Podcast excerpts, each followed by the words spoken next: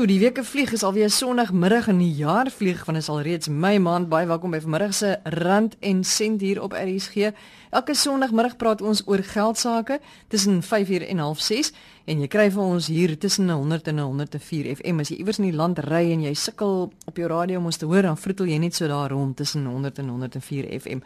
Ek is Susan Stein, baie welkom by vanmiddag se program.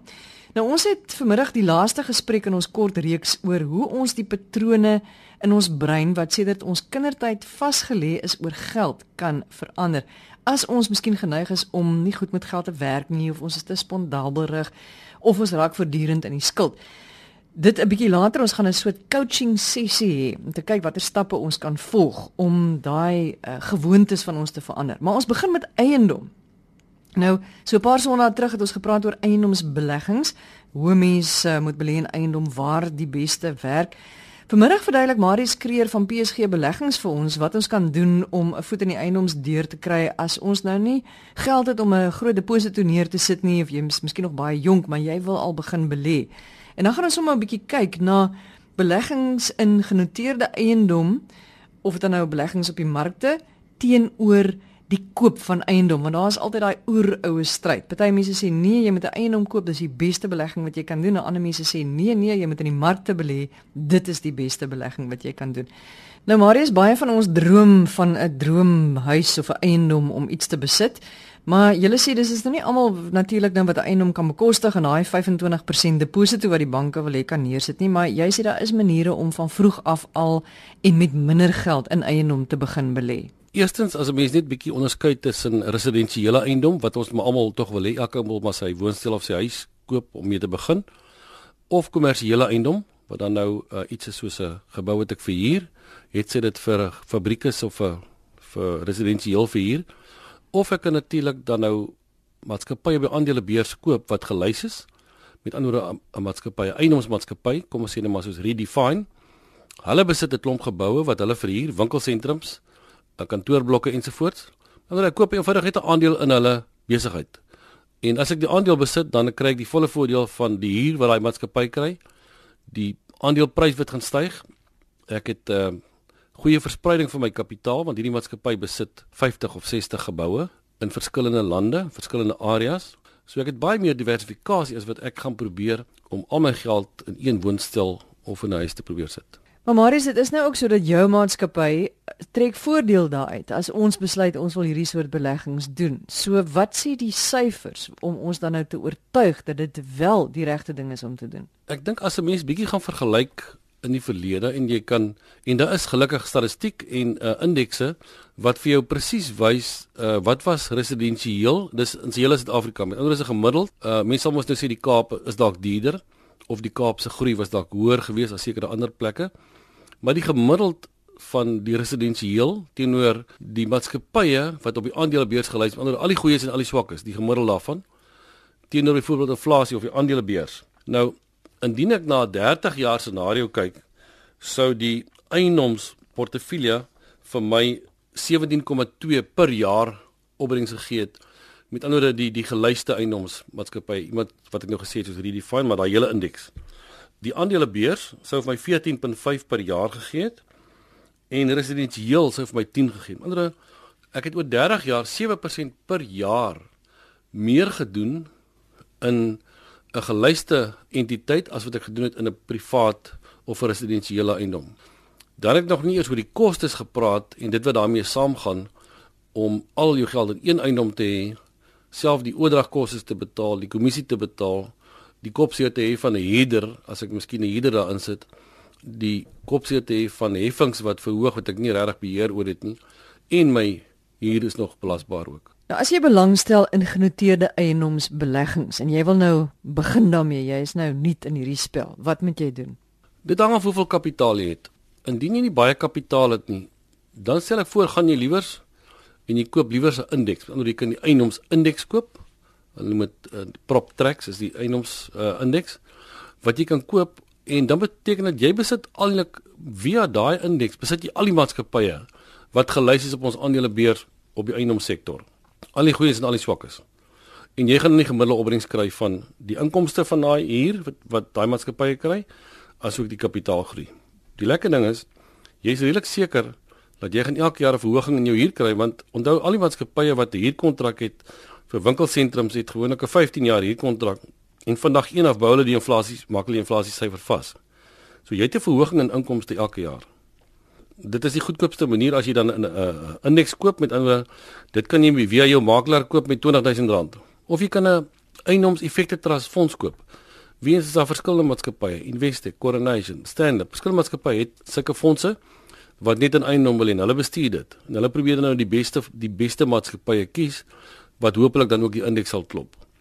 Of jy kan verder gaan, jy kan die sogenaamde beursverhandelde fonds koop of die ETF wat ons omken op die aandelebeurs waar jy dan 'n kombinasie kan koop en sê maar ek wil gedeelte van my geld in plaaslike eiendom hê, maar ek wil 'n gedeelte van geld in Europese eiendom hê. Dan koop jy daai ETF wat 'n baie goedkoop instrument is. Uh dit gaan jou plus minus 1% kos vir 'n makelaarsfooi om die ding te kry in die begin. Dan het jy blootstelling in Europa en in Verenigde Koninkryk. Jy kan ook een koop in Australië. Jy kan ook een koop in FSA. So en dit kan jy alles op ons plaaslike beurs koop en ouer jy hoef glad nie eers geld uit die land uit te vat om dit reg te kry nie. Nou is jou verspreiding in 'n klomp goeie maatskappye reg oor die wêreld in plaas van om een woonstel te te probeer koop wat jy gaan verhuur en hoop jy kry 5 of 6% opbrengs. So dis net wat jy kry op die oomblik. Dit is die voordele van belê op genoteerde uh, of ingenoteerde eiendomme. Wat is die nadele of wat is dit wat jy in gedagte moet hou wat dalk nou bietjie teen jou kan tel? Ja, wat teen jou kan tel is 'n genoteerde eiendom is is is 'n aandeel wat jy koop. Jy koop 'n aandeel van 'n maatskappy wat eiendom besit. As die aandelebeurs val of rentekoerse gaan baie vinnig skerp op, dis gewoonlik sleg vir eiendom. So die korttermyn kan daai eiendom se waarde val. Die voordeel wat jy in jou huis het of jou of jou woonstel, jy sit hom nie elke maand in die mark en kry elke maand 'n prys en sien maar het sy waarde nou geval nie. So jy, by jou eiendom kom jy dit nooit agter dat eintlik is jou eiendom minder werd as 2 maande terug. Want jy toets dit nie elke maand. Hierse toets jy dit daagliks. Die voordeel van daai genoteerde eiendom is jy gaan nog altyd dieselfde huur kry en die huur gaan nog altyd hierdie jaar opgaan. Uh en die prys sal weer opgaan soos wat die wat die huur opgaan met tyd. Maar dit is ongelukkig. Met ander woorde, soos wat jy nie 'n woonstel koop of 'n huis koop om om hom te verkoop oor 2 maande behalwe jy nou regtig 'n groot huis uh, eiendomsspekulant is nie. Koop jy ook nie so aandeel om hom te verkoop oor 2 maande of oor 'n jaar nie. Dit moet 'n 5-7 jaar transaksie wees wat jy in jou kop aangaan om te sê, maar as ek in so iets belê, dan is dit wat ek wil doen. Want die syfers wat wat ek wys van of wat ek vir jou kan gee van 1 jaar, 5 jaar, 10 jaar wat dit elke keer beter as die beurs gegaan het. Daar was ook swak jare gewees, individuele jare. Maar as jy die gemiddeld gaan vat oor die langtermyn, het dit baie beter gedoen as die aandelebeurs. Nou hoe moet jong mense dan dink oor eiendom? Want hier begin jy nou, jy is jonk, jy huur nou nog eers, maar nou wil jy dan jou plekkie koop. Wat moet jy doen?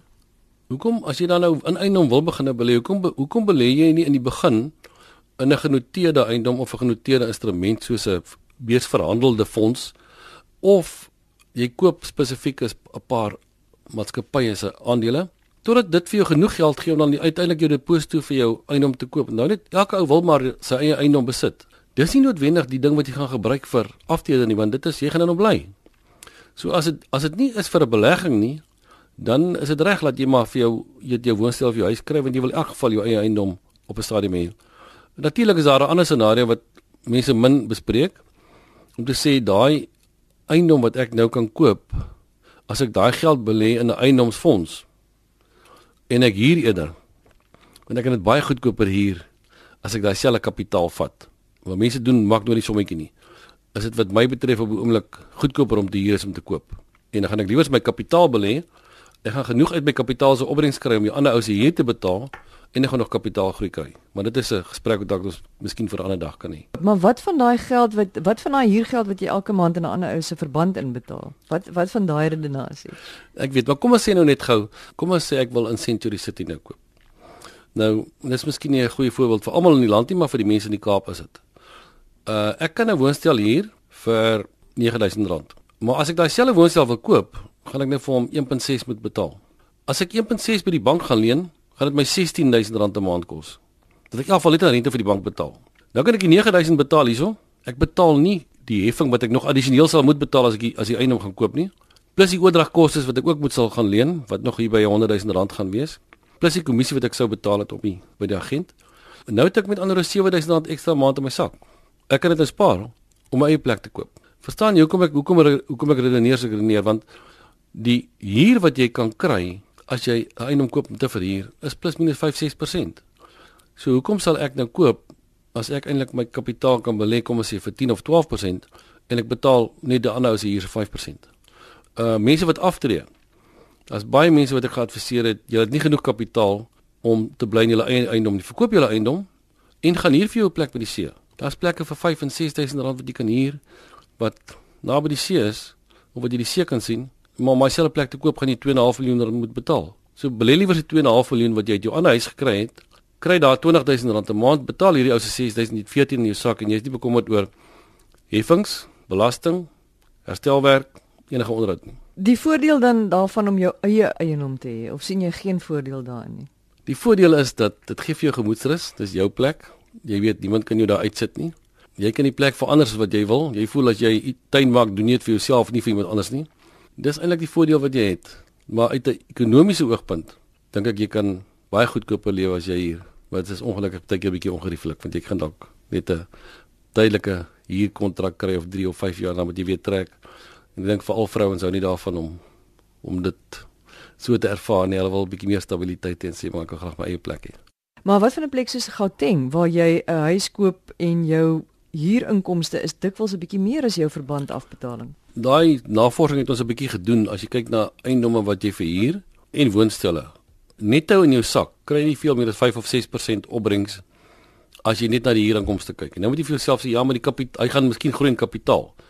Ek dink uh, volgens die Absa uh, navorsing in die afgelope jare het, het eiendom iets met 2 of 3% gegroei. So as jou eiendom se waarde dan nie vreeslik baie gegroei het nie, dan het jy eintlik nie 'n baie goeie belegging gemaak. En onthou net nou sit jy met hierdie ding van Iemand bel op 'n Vrydagmiddag en sê: "Hoorie, meneer, my warmwaterstelsel is nou stukkend. Ek moet dit hanteer. Ek kan nie daai huurder los vir die naweek daar sonder nie." So ek sit met daai kop seer. As iemand my nie betaal nie, 'n huurder my nie betaal nie, dit help nie ek gaan agter hom, ek gaan meer geld vir die prokureurs betaal wat ek in elk geval nie gaan kry op die einde van die dag nie. Ek skryf daai huur af. So ek het baie meer risiko met hierdie een eiendom wat ek koop. Ek het nie 'n probleem as 'n mens 'n eiendom vir jouself koop om in te bly nie, want jy wil tog 'n plek hê om te bly. Uh, ek dink dit is die beste belegging nie, maar ek verstaan die gemoedsrus. Mense moet nie elke besluit in jou lewe baseer op ekonomie of op op wins nie. So daar daar het ek 'n ek het nie 'n probleem daarmee dat mense dit wel doen nie. Maar as jy gedruk is vir kapitaal om van te lewe, dan moet jy miskien anders te begin dink en liewer die huur opsie oorweeg. Wat van belasting op daai lekker 17% wat jy dan nou verdien op jou eiendoms uh, genoteerde belegging? Onthou, daar's kapitaalwinsbelasting as jy verkoop die huurgedeelte wat jy kry in die vorm van 'n dividend gaan belasbaar wees.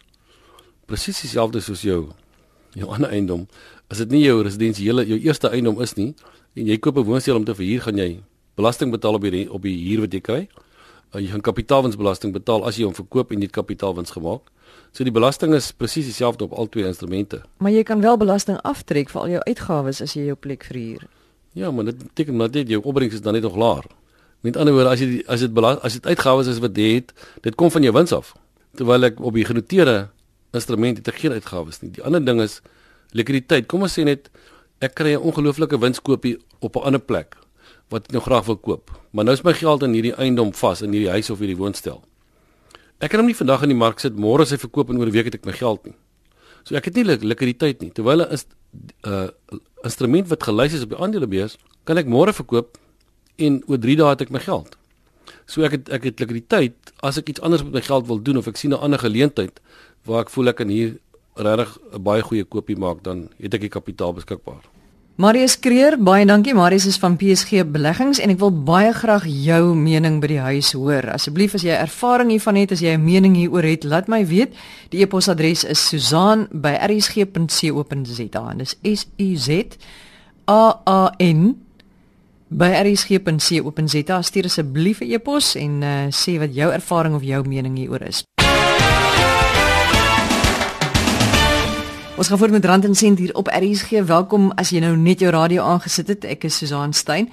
Nou, ons het die afgelope 2 weke met Marina Ginter gepraat. Ons het gekyk na breinpatrone of gewoontes wat ons aangeleer het of vasgelê het in terme van geld vandat ons nou klein was en hoe dit kan maak dat ons te spandabelrig is of dat ons te geneig is om skuld te maak of te geneig is om net negatief oor geld te dink. Nou Marina is 'n lewensafrigter en die eienaar van Results Coaching Systems in Suid-Afrika. Sy werk ook baie nou saam met die Neuro Leadership Institute wêreldwyd en sy sê juis ons brein is of hulle praat van neuroplastisiteit. So ons brein is amper soos 'n uh, klei, daai klei waarmee mens gespeel het as jy klein is. Jy kan hom vorm, jy kan hom druk en dit hou blykbaar nooit op nie. Nou Marina, ons jy sê ons kan hierdie patrone van ons hierdie slegte patrone van ons oor geld verander en ons sit nou beter kole hier en wag vir 'n coaching sessie. Hoe moet ons begin? Jy moet 'n bewustheid hê dat jy wil verander. Op 'n skaal van 1 tot 10 moet jou toegewydheid wees om te verander uh, op 'n 10 uit 10. En dan is dit baie maklik want daar's 'n standaard raamwerk waar jy besluit, goed, waar is ek nou? En waar wil ek wees? En dan gaan doen jy so 'n bietjie navorsing en jy kyk na verskillende uh, opsies wat jy kan hê. En dan kies jy as jy nou hierdie navorsing gedoen het, dan kies jy die een wat vir jou die beste gaan werk. Wat vir jou die beste voel, waar daar soveel energie rondom is dat jy 10 uit 10 toegewyd gaan wees om dit te doen. So wanneer jy nou hierdie opsie het, dan gaan jy en jy werk vir jou 'n plan uit. Byvoorbeeld, as 'n mens voel ek wil graag van my kredietkaartskuld ontslaa raak wat is die proses wat jy gaan volg? Want dit is baie maklik om te sê, "O, ek sny hom op." En oor 'n week sê jy, "O, nou is daar niks geld in die uh, huis nie. Ek gaan nou maar sommer weer aansoek doen laat hulle weer vir my 'n nuwe kaart uitreik." As jy 'n plan het, dan sal jy nie jou kredietkaart sommer dadelik opsny en dan oor 'n week weer 'n kaart aanvra nie. Want die idee is juis dat jy nie noodwendig jou kredietkaart moet opsny nie, maar dat jy jou gewoonte moet verander. Absoluut. En dit is alles deel van hierdie plan. En as ek nou vir jou gesê het jy moet besluit waar is jy nou en waar wil jy wees, dan beteken dit jy moet gaan sit en sê, "Goed, waar is ek nou? Wat is die balans op my kredietkaart?" Gaan deur die transaksies en kyk wat is die patroon besluit of dit noodsaaklike transaksies was en of dit sommer net emosioneel gedrewe transaksies was. Was dit sommer net vir die lekker waarop het jy jou geld gespandeer? En dan besluit jy wanneer jy nie meer hierdie geweldige kredietkaart skuld het en ek verwys nou na 'n kredietkaart, maar dit kan enige finansiële proses wees. Wat gaan die impak wees wanneer jy nie meer daai stres van daai geweldige skuld het nie. Wat gaan die impak op jou lewe wees? Wat gaan die impak op jou gesinslewe wees? Wat gaan die impak op jou elke dag se gedrag wees? En dan bring jy dit alles in jou plan. En wanneer jy hierdie plan opgestel het, dan begin jy dit te implementeer. So dan moet jy vir jou 'n paar aksies uitwerk van ja. sê net maar 3 of 4 aksies van ek gaan dit doen en ek gaan dit doen en ek gaan dit doen. Dis heeltemal reg. Maar jy weet Susan, wat gebeur is ook ai 'n plan is daarom gebreek te word. En ons as mense is maar nou net mense en dan kom jy op 'n punt waar jy sê ag nee, ek is nou moeg hiervoor. En dit is wat wanneer jy teruggaan na daai ding wat ons genoem het Waar sal jy graag wil wees? Wat gaan die impak op jou lewe wees? En jy gaan kyk weer wat het jy vir jouself daar besluit? Want dit gaan weer die energie bring dat jy wil aangaan. En so moet jy jou plan monitor en selfs so 'n bietjie aanpas as jy bietjie van die pad afgegaan het. Maar weet jy wat?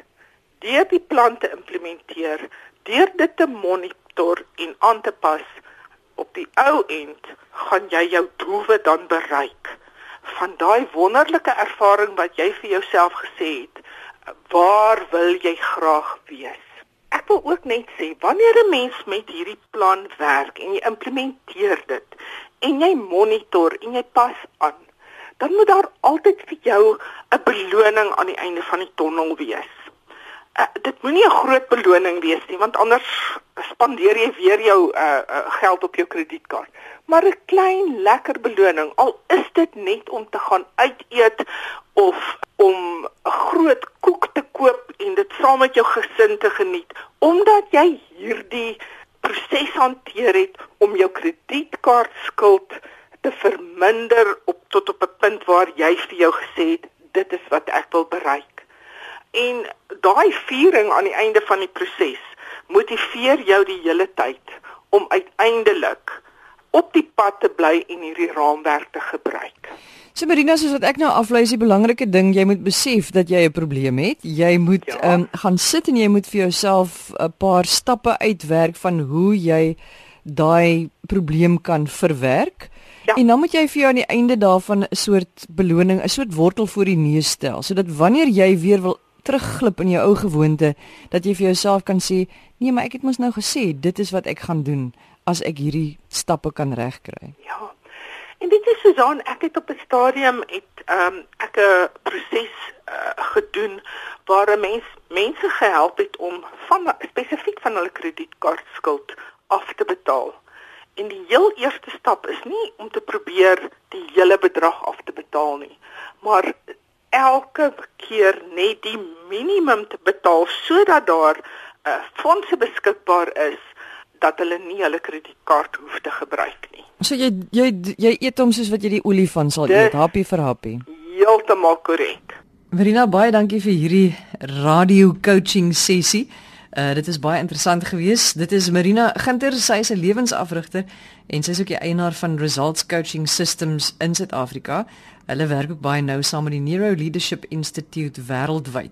Nou as jy nou al so 'n ervaring gehad het waar jy miskien uh jou breinpatrone kon verander oor geld of dat jy kon anders dink oor geld en hoe dit jou gehelp het asseblief stuur vir my 'n e-pos susaan@rsg.co.za susaan by rsg.co.za en jy onthou jy spel dit S U Z A A N en dan by rsg.co.za. As jy ons uh, programme gemis het of enige van die praatjies gemis het en jy wil weer daarna luister, dan gaan jy na www.rsg.co.za, klik op potgooi en uh, dan gaan jy net na rand en sent toe in die soekveld en dan uh, kan jy enige program of enige gesprek wat ons al gehad het op die program kan jy nou gaan luister. Van my kant dankie vir die saamluister en uh, ons gaan uh, volgende week volgende Sondagmiddag 5uur doen ons dit weer. Mooi week. Totsiens.